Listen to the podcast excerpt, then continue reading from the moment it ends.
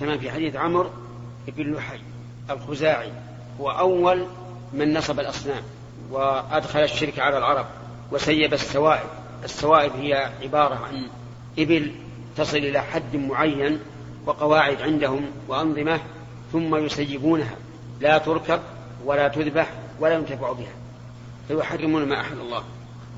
وفيها أيضا دليل على شدة الزعامة في الشر والعياذ بالله وأن الزعيم في الشر يعذب بما يعذب به كل من تبعه ومصداق هذا قول النبي صلى الله عليه وسلم من سن سنة سيئة فعليه وزرها ووزر من عمل بها إلى يوم القيامة.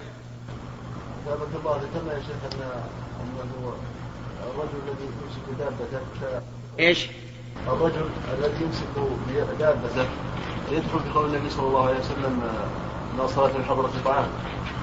فهل يقاس عليه يا شيخ من من مثلا قدم مسافرا؟ من؟ قدم مسافرا وكان مشتاقا لأهله وأراد الجماع. أن يقدم على الصلاة؟ نعم لا بأس. يدخل في هذا إلا إذا ضاق الوقت. إذا ضاق الوقت فلا فلا يجوز. أما ما دام في الأمر ساعه لا. فنعم. نعم. ذكرنا ان الأولى ما فعل أبو برده رضي الله عنه وانساق دابته بيده. وأن لا يمسكها إحنا ذكرنا هذا الأولى. ولكنه جائز مع إمكان أن يمسك برجله هذا هو. ما ذكرنا الأول.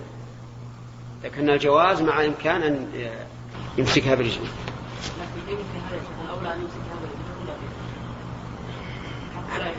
الأولى أن أن يفعل ما هو أضبط من ناقته وأريح لقلبه باب ما نعم. باب ما يجوز من البصاق والنفخ في الصلاة ويذكر عن عبد الله بن عمرو. قال نفخ النبي صلى الله عليه وسلم في سجوده في كسوف. حدثنا سليمان بن حرب قال حدثنا حماد عن أيوب عن نافع عن ابن عمر رضي الله عنهما أن النبي صلى الله عليه وسلم رأى نخامة في قبلة المسجد فتغيظ على أهل المسجد وقال إن الله قبل أحدكم فإذا كان في صلاته فلا يبزقن أو قال لا يتمن ثم نزل فحتها بيده. اللهم صل وسلم في هذا دليل على أن النخامة ليست بنجسة وهو كذلك. وكل ما خرج من بدن الإنسان فليس بنجس ما عدا الخارج من السبيلين. ويستثنى من الخارج من القبل المني فإنه طاهر. وفي هذا الحديث دليل على أنه لا ينبغي أن يبصق في قبلة المسجد. بل لو قيل بالتحريم لكان له وجه. لأنه سوء أدب مع الله عز وجل. وهل مثل ذلك من يجعلون أسطار القمامة في مقدمة المسجد؟ يحتمل هذا وهذا لأن هذه الأسطال قد يكون فيها المناديل التي تنخم فيها وقد يكون فيها سوى ذلك. ولهذا الأفضل أن لا تجعل في قبلة المسجد. لأني أعتقد لو أن أحدا في مجلس ملك من الملوك. هل يرى من الأليق أن يأتي بالأسطال أسطال القمامة ويضع بين يديه؟ الجواب لا. فالله أحق أن يستحيا منه. هذه الأسطال تجعل في الخلف. ثم من أراد من احتاج إليها يقوم إليها. وفي أيضا دليل على أن الله سبحانه وتعالى قبل المصلي. وهذا لا ينافي علوه لأن الله سبحانه وتعالى ليس كمثله شيء في جميع صفاته. فإذا رأيت في الكتاب والسنة وصفا لله عز وجل وظننت أنه يتعارض فاتهم عقلك وفهمك. ولكن المسلم تمام الاستسلام والمنقاد تمام الانقياد يقول آمنا به كل من عند ربنا فيؤمن بهذا ويؤمن بهذا ولا يقول كيف يجتمع هذا وهذا. وفيه أيضا أن حتى ما يؤذي وحكه سنة. بل لو قيل بالوجوب لكان له وجه. وإذا قلنا بالوجوب فإنه وجوب كفاية. إذا قام به من يكفي سقط عن الباقين. وهل الأفضل أن تزيله أنت بنفسك أو أن تستدعي المسؤولين عن تنظيف المسجد فيزيلوا الجواب الأول أن تبدأ به أنت بنفسك لأنك تخدم هذا طاعة لله ورسوله. كما قال تعالى في بيوت أذن الله أن ترفع. وأمر النبي صلى الله عليه وسلم ببناء المساجد في الدور. وأن تنظف وتطيب. وسأل عن المرأة التي كانت تقوم المسجد لما ماتت ثم خرج إلى البقيع فصلى على قبرها. كل هذا يدل على أن تنظيف المساجد من من الطاعات الجليلة. نعم إذا كنت لا تستطيع كما لو رأيت نجاسة. النجاسة تحتاج إلى غسل وتنظيف فهنا الواجب عليك أن تخبر من يقوم بهذا الأمر. نعم. وقال ابن عمر رضي الله عنهما إذا بزق أحدكم فليبزق عن يساره على يساره. فليبزق عن يساره على يساره؟ لا عندي على يساره. لكن فيها نسخة عندي. عن. حدثنا محمد قال حدثنا غندر قال حدثنا شعبة قال سمعت قتادة عن أنس رضي الله عنه عن النبي صلى الله عليه وسلم أنه قال إذا كان في الصلاة فإنه يناجي ربه فلا يبزقن بين يديه ولا عن يمينه ولكن عن شماله تحت قدمه اليسرى حديث الشيخ عبد الله بن عمر نفخ النبي صلى الله عليه وسلم في سجوده في كسوف كيف؟ نعم. نفخ النبي صلى الله عليه وسلم في سجوده في كسوف. نعم. مو معنى في سجود يعني وهو في صلاة كسوف. نفخ إما لأن نفسه اشتد أو أنه بكى بكاء ظنه ابن عمر نفخا لكن حمله على الحقيقة أولى والإنسان أحيانا ينكتم ويتنفس صعدا. باب من صفق جاهلا من الرجال في صلاته لم تفسد صلاته. وفيه سهل بن سعد رضي الله عنه عن النبي صلى الله عليه وسلم. باب إذا قيل للمصلي تقدم أو انتظر فانتظر فلا بأس. حدثنا محمد بن كثير قال أخبرنا سفيان عن أبي حازم عن سهل بن سعد رضي الله عنه قال كان النساء يصلوا كان الناس يصلون مع النبي صلى الله عليه وسلم وهم عاقدوا أزرهم من الص... وهم عاقدوا أزرهم من الصغر وهم عاقبوا أزرهم من الصغر على رقابهم فقيل للنساء لا ترفعن رؤوسكن حتى يستوي الرجال جلوسا. يعني الأزر الأزر قصيرة. ما تمسك على الحقوين. فكانوا يجعلون لها رباطا يربطونها على أعناقهم لتستمسك. فإذا سجد الإنسان فالعادة أنه إذا سجد ارتفع مؤخر إزاره ونزل مؤخر مقدم إزاره. أليس كذلك؟ طيب. فكانوا يقول إن النساء لا ترفعن رؤوسكن بعد السجود حتى يرفع الرجال لأن لا يروا من العورة أو من قرب العورة المغلظة. وفي هذا الحديث يعني على ما كان عليه الصحابة رضي الله عنهم من شرف العيش وقلة المال. نعم. باب لا يرد السلام في الصلاة. حدثنا عبد الله بن أبي شيبة قال حدثنا ابن فضيل عن الأعمش عن إبراهيم عن علقمة عن عبد الله أنه قال كنت أسلم على النبي صلى الله عليه وسلم وهو في الصلاة فيرد علي فلما رجعنا سلمت عليه فلم يرد علي وقال إن في الصلاة شغلا. مر علينا هذا قبل أيام يسيرة؟ حدثنا أبو معمر قال حدثنا عبد الوارث قال حدثنا كثير بن شنظير عن عطاء بن أبي رباح عن جابر بن عبد الله رضي الله عنهما قال بعثني رسول الله صلى الله عليه وسلم في حاجة له فانطلقت ثم رجعت وقد قضيتها. فأتيت النبي صلى الله عليه وسلم فسلمت عليه فلم يرد علي. فوقع في قلبي ما الله أعلم به. فقلت في نفسي لعل رسول الله صلى الله عليه وسلم وجد علي أني أبطأت عليه ثم سلمت عليه فلم يرد علي. فوقع في قلبي أشد من المرة الأولى ثم سلمت عليه فرد علي. فقال إنما منعني أن أرد عليك أني كنت أصلي. وكان على راحلته متوجها إلى غير القبلة. اللهم صل وسلم. قوله ثم سلمت عليه فرد علي يعني بعد أن سلم من صلاته. وفيه دليل على أن المسلم على المصلي لا يستحق الرد باللفظ. فإن قال قائل كيف لا يستحق الرد؟ والتطوع سنة ورد السلام فرض. فلماذا لا نقول إنه يقطع النفل ويرد؟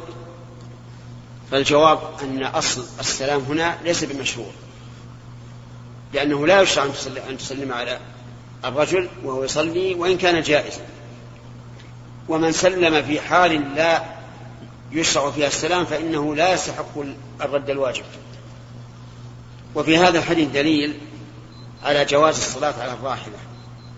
ولو كان متوجها إلى غير القبلة. وهذا في السفر ولا في الحضر في السفر. نعم. هل تستحق لها الرد؟ أما إذا كانت ممن جرى العرف بالسلام عليه كما عارفه من جيرانه وأصدقائه وما أشبه ذلك فلا بأس. وإلا فلا يرد. ولذلك نقول في الشارع مثلا لا تسلم على المرأة ولا ترد إذا سلمت اللهم إلا إذا كانت المسألة من معارفك تعرفها وتكلمها عادة وتكلمك. من كان؟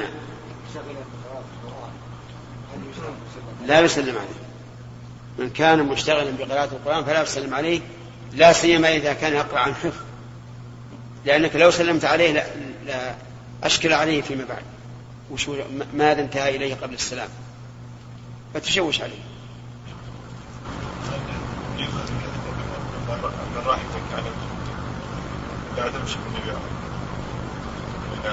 رجع من ما تمشي.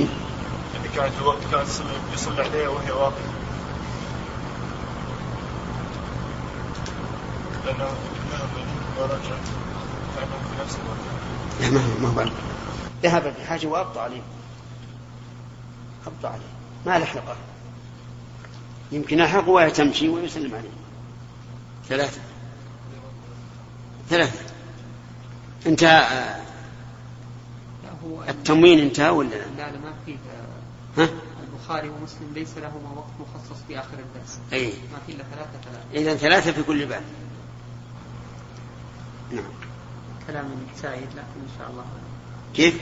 أقول كلام سائد لكن النظام زين. الحق وحق يتبع باب رفع الأيدي في الصلاة لأمر ينزل به. حدثنا قتيبة قال حدثنا عبد العزيز عن أبي حازم عن سهل بن سعد رضي الله عنه قال بلغ رسول الله صلى الله عليه وسلم أن بني عمرو بن عوف بقباء كان بينهم شيء فخرج يصلح بينهم في أناس من أصحابه. فحبس رسول الله صلى الله عليه وسلم وحانت الصلاة. فجاء بلال إلى أبي بكر رضي الله عنهما فقال يا أبا بكر إن رسول الله صلى الله عليه وسلم قد حبس وقد حانت الصلاة. فهل لك أن تؤم الناس? قال نعم إن شئت. فأقام بلال الصلاة وتقدم أبو بكر رضي الله عنه فكبر للناس. وجاء رسول الله صلى الله عليه وسلم يمشي في الصفوف يشقها شقا حتى قام في الصف فأخذ الناس بالتصفيح قال سهل التصفيح هو التسبيح هو التصفيق قال وكان أبو بكر رضي الله عنه لا يلتفت في صلاته فلما أكثر الناس التفت فإذا رسول الله صلى الله عليه وسلم فأشار إليه يأمره أن يصلي فرفع أبو بكر رضي الله عنه يده فحمد الله ثم رجع القهقرى وراءه حتى قام في الصف وتقدم رسول الله صلى الله عليه وسلم فصلى للناس فلما فرغ أقبل على الناس فقال يا أيها الناس ما لكم حين نابكم شيء في الصلاة أخذتم بالتصفيح؟ إنما التصفيح للنساء من نابه شيء في صلاته فليقل سبحان الله. ثم التفت إلى أبي بكر رضي الله عنه فقال يا أبا بكر ما منعك أن تصلي للناس حين أشرت إليك؟ قال أبو بكر ما كان ينبغي لابن أبي قحافة أن يصلي بين يدي رسول الله صلى الله عليه وسلم. هذا سبق الكلام على عليه وعلى فوائده. لا فؤاد. بارك الله فيكم. أشكل عليه حديث أن النساء هن اللواتي نهين إيش؟ أشكل عليه حديث أن النساء هن اللواتي نهين عن الرفع من السجود حتى يستوي الرجال بنفسه فما بال الصف الثاني والثالث من الرجال؟ نعم. يتأخرون في السن الأول؟ كيف؟ هل يتأخرون في الرفع حتى لا لا ما يتأخرون. لأن رؤية الم- المرأة لعورة الرجل أشد فتنة من رؤية الرجل للرجل. انتهى الوقت يا أخي لكن عاد ما دام الشرط قبل أن ينتهي لا بأس. نعم؟ نعم. لا حضر, حضر أن الله أن الرسول أهله لأن يكون إماما له. ليس على حضور الرسول. الرسول عليه الصلاة والسلام ما عليه خوف. لأنه ذهب ليصلح بين قوم ورجع. لكن حمد الله أن الرسول أهله أن يكون إماما له. والله نعمة هذا. منقبة عظيمة أن يكون الرسول إماما أن يكون الرجل إماما للرسول عليه الصلاة والسلام. لإمام المتقين. واضح؟ شكرا لله عز وجل. الآن طبيعة الناس الآن. إذا قال إذا بشر بشيء قال الحمد لله. أليس كذلك؟ نعم. سم. بسم الله الرحمن الرحيم. الحمد لله رب العالمين. وصلى الله وسلم وبارك على عبده ورسوله نبينا محمد وعلى آله وأصحابه أجمعين. أما بعد فقد قال الإمام البخاري رحمه الله تعالى في صحيحه كتاب العمل في الصلاة باب الخصر في الصلاة. حدثنا أبو النعمان قال حدثنا حماد عن أيوب عن محمد عن أبي هريرة رضي الله عنه قال نهي عن الخصر في الصلاة. وقال هشام وأبو هلال عن ابن سيرين عن النبي صلى الله عليه وسلم عن أبي هريرة عن النبي صلى الله عليه وسلم. حدثنا عمرو بن علي قال حدثنا يحيى قال حدثنا هشام قال حدثنا محمد عن أبي هريرة رضي الله عنه قال نهي أن يصلي الرجل مختصرا. معنى أن يضع الرجل يده على خاصرته هكذا الخاصرة ما فوق الحقوق وعلن ذلك بأنه فعل اليهود. وهذا التعيين يقتضي أن يكون هذا محرما لأنه إذا ورد فيه النهي وعلل بأنه فعل الكفار صار محرما لقول النبي صلى الله عليه وعلى آله وسلم من تشبه بقوم فهو منهم. وظاهر الحديث أنه لا فرق بين بين أن يضع الرجل يديه على خاصرتيه أو يد واحدة أو يد واحدة على خاصرة واحدة. فننظر إلى الشرح الآن. باب الخصر في الصلاة. فتح. خرج هذا الحديث مسلم في صحيحه من رواية باب الخصر أي أول أول ما ترجم ما هو ترجم أول. الباب أوله يعني كلام رجال. رجال. إيش معنى باب الخصر بالصلاة؟ أي أول الباب. أي نعم. هنا يا شيخ بينوا من هذا الموضوع. باب الخصر بالصلاة. ما بين يا شيخ في الفتح الأول ما. هذا فتح لا الأول يمكن ما يذكر أي هذا هذا الأول ذا؟ هذا الأول. طيب يعني جبنا نقرأ هذا وذا؟ اللي بين لا ال- ال- ال- الثاني أظن. يتكلم عن الترجمة أكثر من ذاك. باب الخصر في الصلاة أي بفتح المعجمة وسكون المهملة حكم الخصر والمراد وضع اليدين عليه في الصلاة. عليه أي؟ عليه بس. هذا أحسن يا شيخ. هذا أحسن. خرج هذا الحديث مسلم في صحيحه من رواية أبي خالد وأبي أسامة وابن المبارك جميعا عن هشام مصرحا برفعه عن النبي صلى الله عليه وسلم أنه نهى أن يصلي الرجل مختصرا. وخرج ابن حبان في صحيحه من طريق عيسى بن يونس عن هشام عن محمد عن أبي هريرة أن النبي صلى الله عليه وسلم قال الاختصار في الصلاة راحة أهل النار وقال يعني أنه فعل اليهود والنصارى وهم أهل النار كذا خرجه. وإنما رواه عيسى بن يونس عن عبيد الله بن الأوز ابن الأزور عن هشام بهذا اللفظ كذا خرجه الطبراني والعقيلي من رواية عيسى بن يونس بن يونس عنه. وقال العقيلي لا يتابع عبيد, عبيد الله بن الأزور على لفظه والاختصار فسره الأكثرون بوضع اليد على الخاصرة في الصلاة وبذلك فسره الترمذي في جامعه وعليه يدل وعليه يدل تبويب النسائي وروى الإمام أحمد في مسنده عن يزيد بن هارون عن هشام عن محمد عن أبي هريرة قال نهي عن الاختصار في الصلاة قلنا لهشام ما الاختصار؟ قال يضع يده على خصره وهو يصلي. قال يزيد قلنا لهشام ذكره عن النبي صلى الله عليه وسلم قال برأسه أي نعم.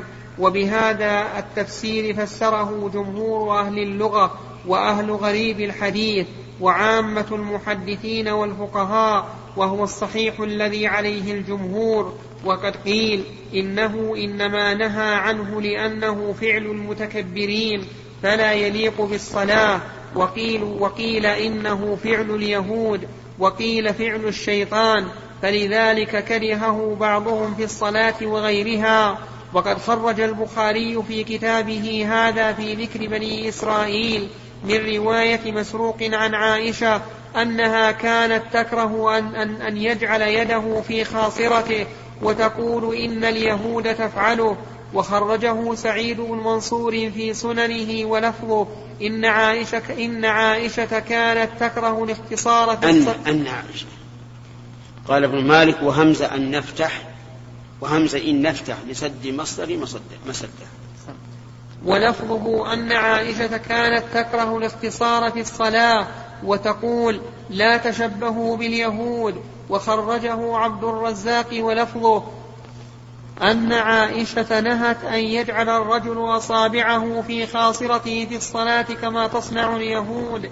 وروي عن عائشة أنها قالت هكذا أهل النار.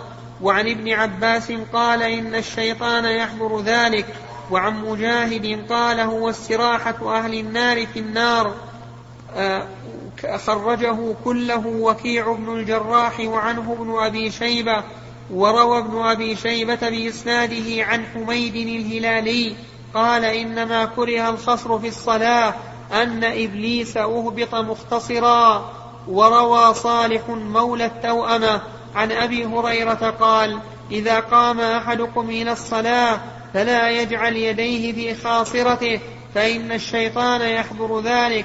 خرجه عبد الرزاق وروى سعيد بن زياد الشيباني عن زياد بن صبيح قال صليت جنب ابن عمر فوضعت يدي على خصري فقال لي هكذا ضربه بيده. فلما صليت قلت يا أبا عبد الرحمن ما رابك مني؟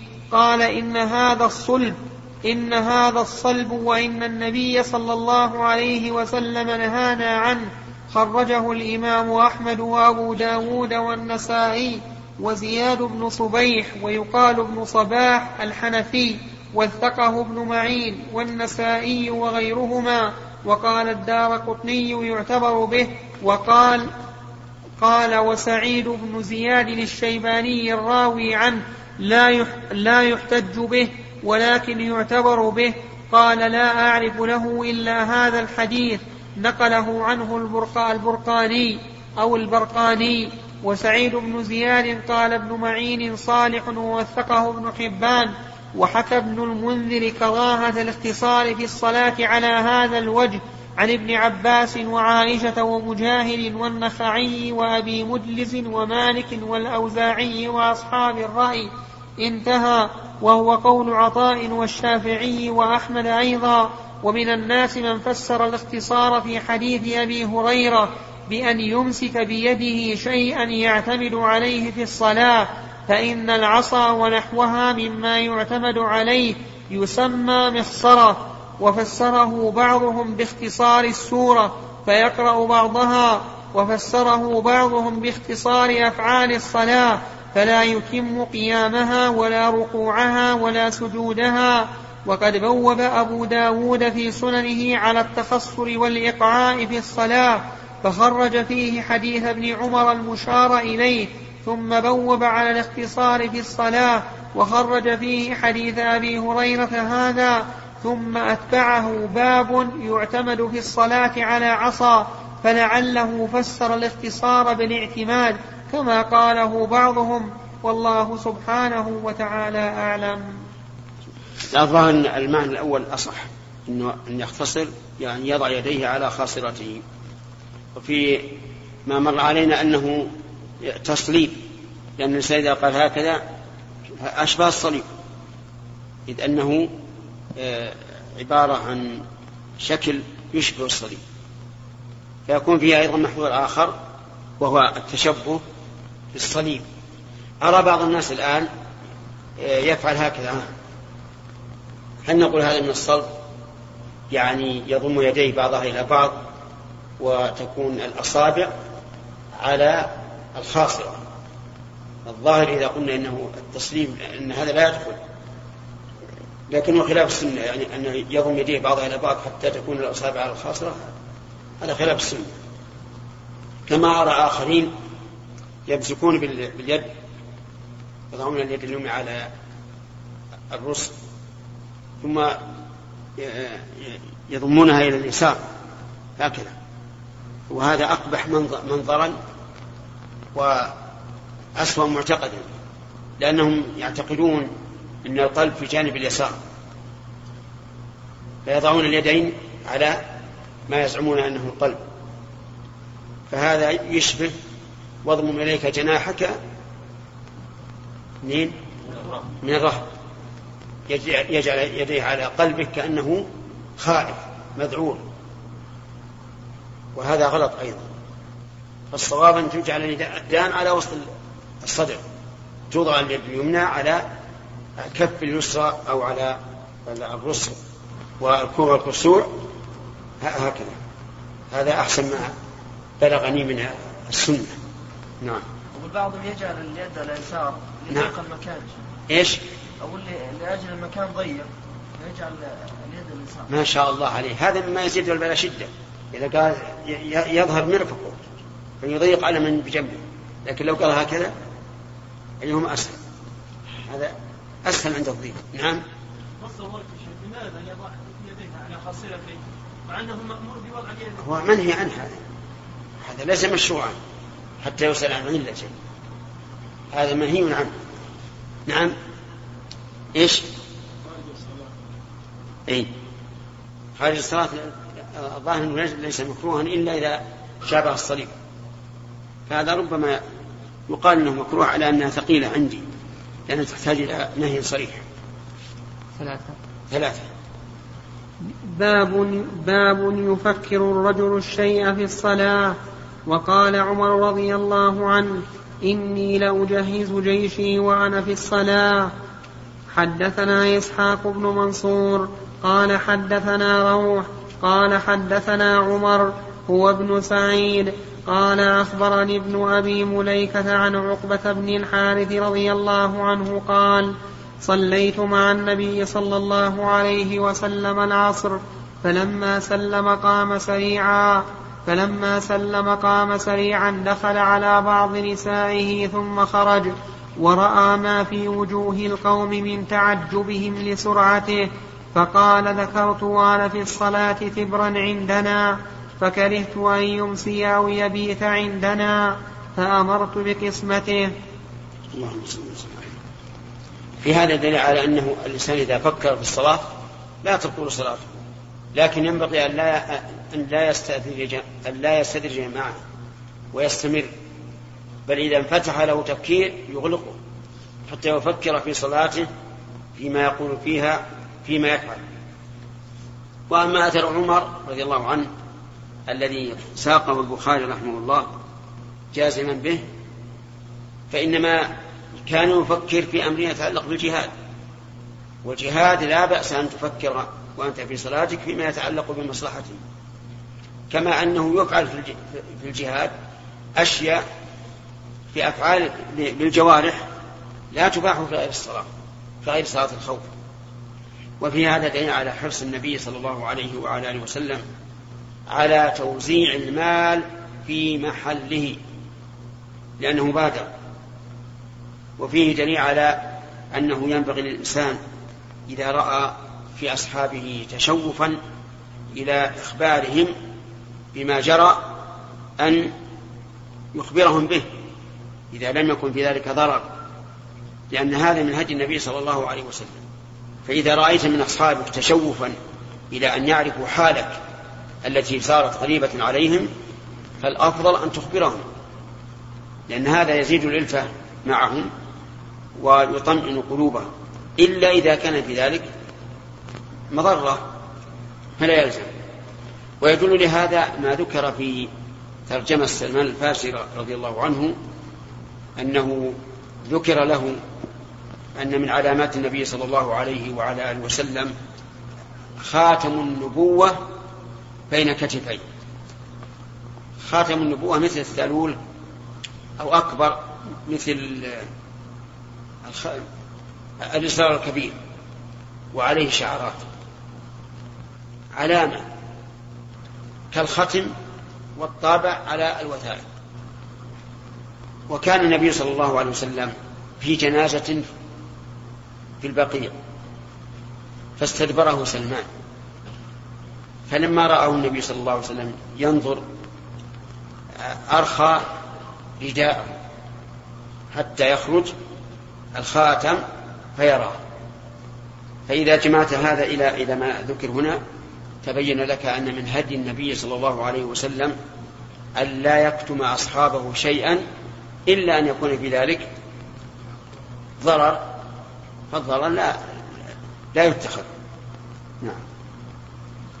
حدثنا يحيى بن بكير قال حدثنا الليث عن جعفر عن الأعرج قال قال أبو هريرة رضي الله عنه قال رسول الله صلى الله عليه وسلم إذا أذن بالصلاة أدبر الشيطان وله ضراب حتى لا يسمع التأذين فإذا سكت المؤذن أقبل فإذا ثوب أدبر فإذا سكت أقبل فلا يزال بالمرء يقول له اذكر ما لم يكن يذكر حتى لا يدري كم صلى.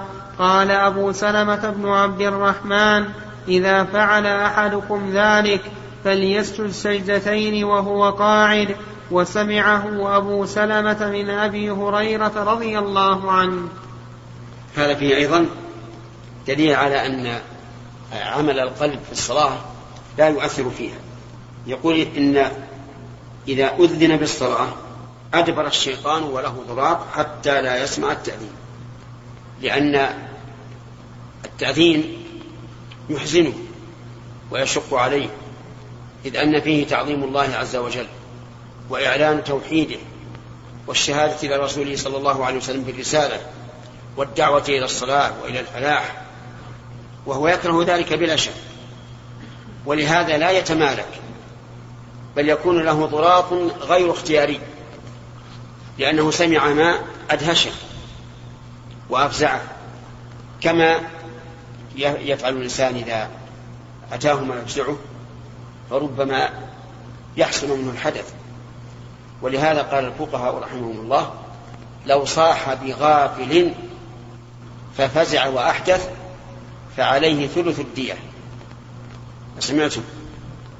لو صاح بعاقل ففزع وأحدث خرجت منه الريح فعليه ثلث الدية على من؟ على الصائح به الذي أفزعه. لأنه لأنه استرخاء بغير قصد. فقد أذهب بعض حاسته. على كل حال هذا له محل ذكر إن شاء الله وتحرير في موضعه. لكنني أقصد أن أن الفزع يوجب أن يخرج من الإنسان ما لا يريده. وفي أيضا أن الشيطان له سمع يسمع. ولذلك إذا إذا سكت المؤذن أقبل. أقبل على من؟ أقبل على بني آدم يصدهم عن ذكر الله وعن الصلاة. فإذا ثوب يعني أذن مرة ثانية وذلك بإقامة الصلاة. أدبر. فإذا سكت أقبل.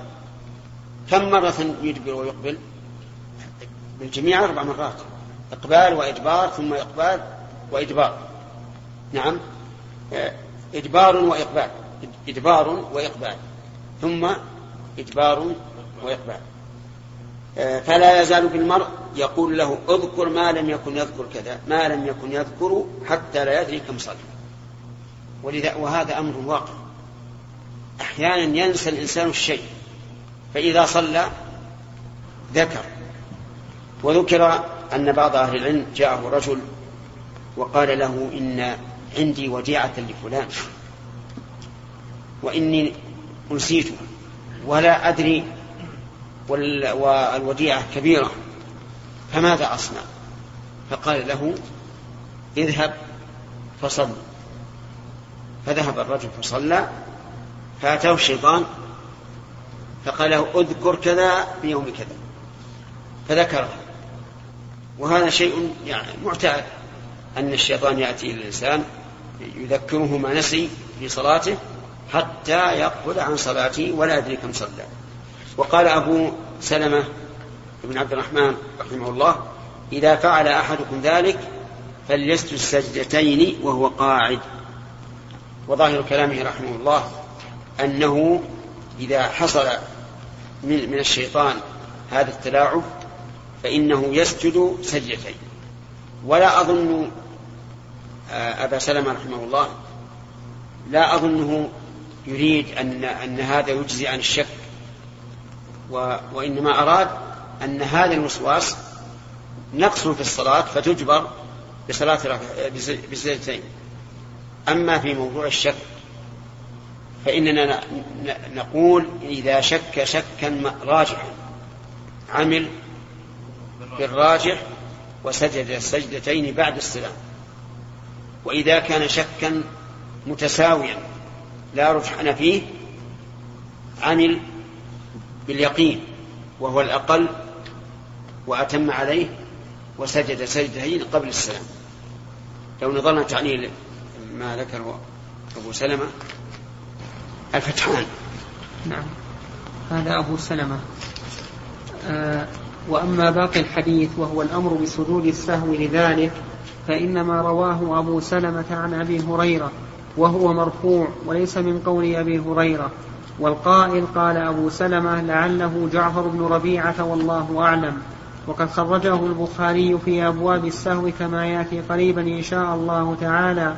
من رواية هشام الدستوائي عن يحيى بن أبي كثير عن أبي سلمة عن أبي هريرة عن النبي صلى الله عليه وسلم ومن رواية مالك عن ابن شهاب عن أبي سلمة عن أبي هريرة عن النبي صلى الله عليه وسلم.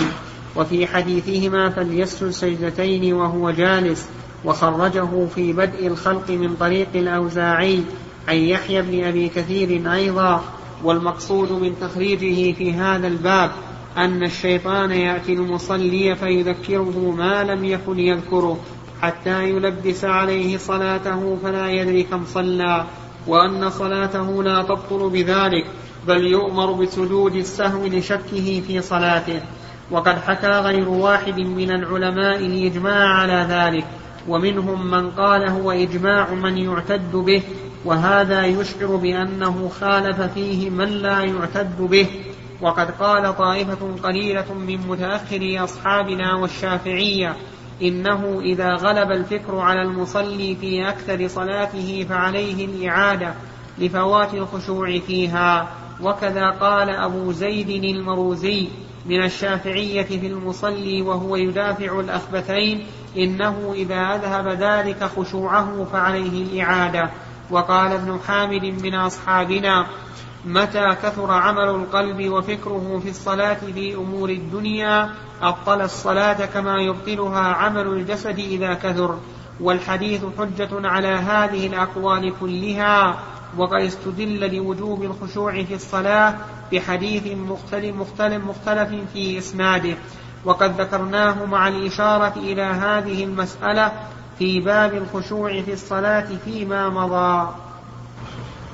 هذا من آية الحين هذا ابن رجب الأول. من حجر. ما علل هذا سجود السهو.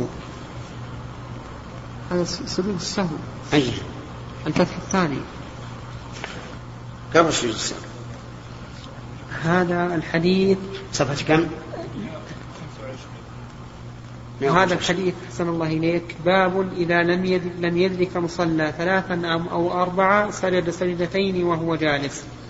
ثم ذكر حديث أبي هريرة رضي الله عنه قال قال رسول الله صلى الله عليه وسلم إذا نودي بالصلاة أدبر الشيطان وله ضراط حتى لا يسمع الأذان فإذا قضي الأذان أقبل فإذا ثوب بها أدبر فإذا قضي التثويب أقبل حتى يخطر بين المرء ونفسه يقول أذكر كذا وكذا ما لم يكن يذكر حتى يظل الرجل إن يدري كم صلى. فإذا لم يدري أحدكم كم صلى ثلاثا أو أربعة فليسجد سجدتين وهو جالس. هذا اللي في الفتح بس هذا غير الحديث اللي معنا الحديث اللي معنا قبل باب السهو. إيه قبل باب السهو. باب ما جاء بالسهو ها؟ من؟ لكن ما ذكر هذا. قبل قبل باب ما جاء بالسهو بحديث. قبل ما باب ما إيش؟ إيه. باب إيش؟ بحديث. الباب اللي اللي قبل باب ما جاء بالسهو هنا قال قال أبو سلمة بن عبد الرحمن إذا فعل أحدكم ذلك فليسجد سجدتين وهو قاعد. وسمعه أبو سلمة من أبي هريرة. هذا التعليق طرف من الحديث الذي قبله في رواية أبي سلمة. كما سيأتي في خامس ترجمة من أبواب السهو لكنه من رواية يحيى بن أبي كثير عن أبي سلمة وربما تبادر إلى الذهن من سياق المصنف أن هذه الزيادة من رواية جعفر بن ربيعة عن أبي سلمة وليس كذلك. وسيأتي في سادس ترجمة أيضا من طريق الزهري عن أبي سلمة لكن باختصار ذكر الأذان وهو من طريق هذين عن أبي سلمة عن أبي هريرة مرفوعا بخلاف ما ما يوهمه سياقه هنا وسيأتي الكلام عليه إن شاء الله تعالى هناك. طيب اقسم الباب. حديث أبي هريرة. حدثنا محمد بن المثنى قال حدثنا عثمان بن عمر قال أخبرني ابن أبي ذئب عن سعيد المقبري قال قال أبو هريرة رضي الله عنه يقول الناس أكثر أبو هريرة فلقيت رجلا فقلت بم قرأ رسول الله صلى الله عليه وسلم البارحة في العتمة؟ فقال لا أدري. فقلت لم تشهدها. قال بلى. قلت لكن أنا أدري. قرأ سورة كذا وكذا. قوله أكثر أبو هريرة يعني من حديث الرسول صلى الله عليه وسلم فكأنهم قالوا كيف يكثر من حديثه والناس لا يكثرون؟ فأراد أن يمتحنهم. سأل هذا الرجل ماذا قرأ به النبي صلى الله عليه وسلم في العتمة البارحة فقال لا أدري مع أنه حاضر. يمكنك الآن أن تقلب الشريط.